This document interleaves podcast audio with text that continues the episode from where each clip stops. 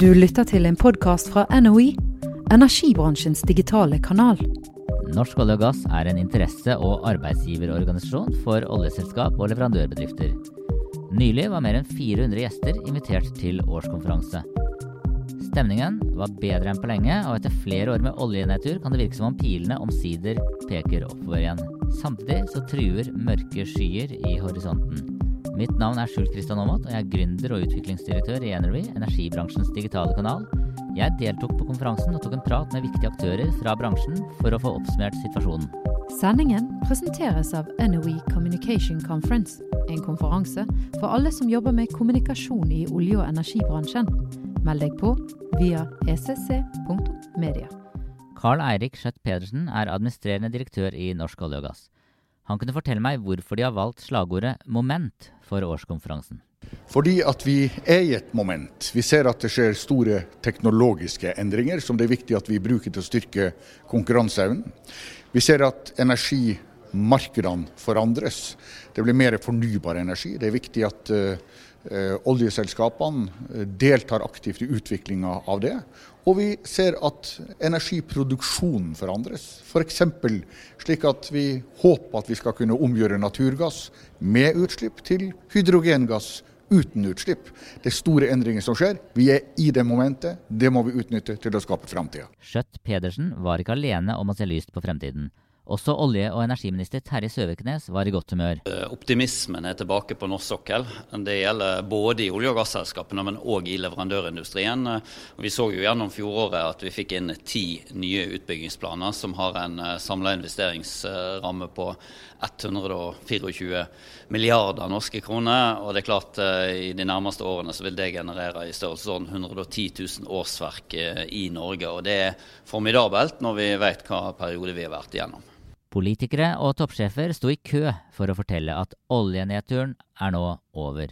Carl Jonny Hersvik, administrerende direktør i Aker BP, var intet unntak.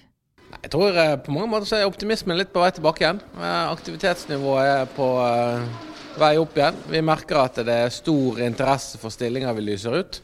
Vi Nærmest oversvømmer med stillingssøknader for tida. Og vi merker at det liksom begynner å bli litt flyt i industrien igjen. og Det syns jeg er veldig bra. Men hva skyldes egentlig denne optimismen? Er det ene og alene det at oljeprisen har steget, eller er det også andre faktorer som spiller inn? Det hadde Kristin Færøvik, administrerende direktør i Lundin Norge, noen tanker om. Det hjelper selvfølgelig at uh, oljeprisen er høyere, men det er også utrolig viktig at næringen er uh, kommet så mye lenger i det forbedringsarbeidet som er helt nødvendig for at vi skal være konkurransedyktige.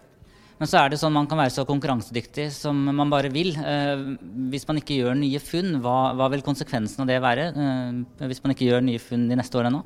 Hvis vi ikke gjør nye funn, så betyr det jo selvfølgelig at eh, olje- og gassnæringen blir en mindre del av norsk økonomi, og at investeringstakten vil sakne hen. Men eh, leteinteressen er veldig høy. Eh, det så vi senest nå i januar. Så jeg har jo håp om at vi skal finne, gjøre nye funn i de årene som kommer. Lundin og Statoil ble skuffet over leteresultatene i Barentshavet i fjor. Færvik har håp om å gjøre nye funn, men om Lundin lykkes, det, det kan man ikke vite. I den nye regjeringsplattformen har også Venstre sikret at Lofoten, Vesterålen og Senja skal holdes fri for oljevirksomhet i hele perioden. Så for en samlet olje- og gassindustri så får vi håpe at de nye letekampanjene som foregår der bransjen har fått tillatelse til å lete, at det gir resultater. Jeg innledet med å si at det hviler noen mørke skyer i horisonten. En av disse skyene er olje- og gassindustriens omdømme. Aker BP-sjefen kan fortelle at de nærmest blir nedrent av jobbsøkere, men ser vi noen år frem i tid, så kan situasjonen være helt snudd på hodet. Det er nå kun to førsteårsstudenter på petroleumsfag på NTNU, og dersom denne trenden fortsetter, så vil oljeselskapene etter hvert ikke lenger kunne rekruttere fra A-laget. Norsk olje- og gassindustri vil miste sin konkurransekraft. Vi bør absolutt si hva slags fantastiske jobbmuligheter som ligger for de som nå søker seg til petroleumsretta utdanning. Og så ser vi allerede nå ei endring. Jeg så det var en interessant reportasje i Rogaland om hvordan flere hadde søkt seg mot petroleumsretta utdanninger. Jeg tror man ser at det vil være spennende arbeidsplasser veldig lang tid framover. Så vet vi at søkninga til den type utdanning det varierer med oljeprisen, faktisk. Og når nå oljeprisen har gått litt opp, og man ser at produksjonen og nye felter skal bygges, så vil det være en større interesse igjen. Men dette er jo viktig at det er en kontinuitet. Når Johan Sverdrup-feltet settes i produksjon i 2019, så skal det produsere i 50 år fremover. Det er mange spesielt interessante jobber som finnes der. Det grønne teknologiskiftet vil bidra til at etterspørselen etter norsk olje og gass avtar. Er det da så rart at dagens ungdom ikke lenger ønsker å jobbe i olje- og gassindustrien? Alle seriøse analyser viser at uh, olje og gass vil ha en stor del av markedet også i framtida. Man anslår rundt en tredjedel av energimarkedet i 2050. Men det er veldig viktig at vi klarer å utvikle CCS. Én ting er for olje- og gassindustrien, men det er selvfølgelig minst like viktig for sementindustrien, for stålindustrien og andre tunge eh, industrigreiner. Derfor er det så viktig at Norge bruker det teknologiske initiativet som vi har, til å få til slike løsninger. Og så må vi søke mot EU, eh, e mot eh, Australia, mot Canada og andre, og se om vi kan gå sammen om å ta det økonomiske løftet som det krever. Dagens ungdom er opptatt av global oppvarming, og her er Karl Eirik Skjøtt Pedersen inne på noe av det jeg personlig mener er olje- og gassindustriens store problem. Dersom vi lykkes med å utvikle teknologi for karbonfangst og -lagring, eller CCS som det ofte kalles, så vil norsk naturgass kunne være like rent som et glass melk. Det med glassmelk det er et sitat fra bloggen til Johan Hustad, direktør for NTNU Energi. Og Utfordringen da, som jeg mener eh, ligger der, er at bransjen på ingen måte har lykkes med å formidle det at det er en stor forskjell på olje og gass. Folk flest ser på olje og gass som samme ulla. Eh, det er noe som kommer opp fra oljeplattformen og, og forurenser. Men er det så enkelt? Jeg spurte Jonas Gahr Støre, leder for Arbeiderpartiet, om hvorfor det er så viktig å få til karbonfangst og -lagring. For det første sier jo forskerne at hvis, hvis, vi ikke får til fangst og lagring, så blir muligheten for å nå klimamålene globalt uh, veldig, veldig små. Og Det gjelder jo ikke bare fra olje- og gassnæringen, men også fra andre sektorer. Uh, så jeg tror det er helt livsviktig for planeten rett og slett at vi klarer å komme videre med fangst og lagring. Og det er rett som du sier, det er feil å si at den uh, satsingen var mislykket. Den har frambrakt mye kunnskap. Testsenteret er viktig. Og Her har Norge et forsprang. Industrimiljøene våre har, eh, har, en mulighet. Så hvis ikke vi tar den muligheten, så tror jeg andre kommer til å ta den. Og vi bør ligge i front for det av hensyn til oss selv, men også av hensyn til uh, det internasjonale arbeidet. Jonas Gahr Støre mener det er livsviktig for planeten vår at vi lykkes med karbonfangst og -lagring. Men all den tid folk flest ikke ser forskjellen på olje og gass, og tenker at dette er noe vi snarest mulig må fase ut, og setter alt inn i en sort boks, så er det krevende for de som styrer landet vårt å argumentere for å bruke store summer fra statskassen på forskning og utvikling innen karbonfangst og -lagring. Olje- og gassindustrien bidrar i dag til de store klimaendringene og til global oppvarming. La oss håpe at den samme industrien i fremtiden også kan bidra eller være en del av løsningen på eh, klimaproblemet gjennom karbonfangst og -lagring. Sendingen presenteres av NOE Communication Conference, en konferanse for alle som jobber med kommunikasjon i olje- og energibransjen. Meld deg på via ecc.media. BP har sagt at det kan bli aktuelt å løfte den norske modellen Aker BP ut globalt, altså Aker pluss BP. Vi spurte Karl Jonny Hersvik, administrerende direktør i Aker BP, om hva det norske selskapet gjør som vekker så positiv oppmerksomhet ute i det globale energiselskapet BP. Jeg tror først og fremst det, er vår forbedringsagenda og måten vi tilnærmer oss både operasjoner, feltutvikling, leiting på, som vekker BPs interesse. Eh, vi har jo implementert ganske mange allianser nå etter hvert, eh, og er i ferd med å flytte hele vår eh, arbeidsprosess og vår samarbeidsmodell over på en alliansemodell. Og vi vet at det funker. Vi har kommet ganske langt i, i Lean-arbeidet for å få flyteffektivitet inn i prosessene våre. Og etter hvert så begynner jo digitaliseringsagendaen virkelig å, å, få et fotefeste.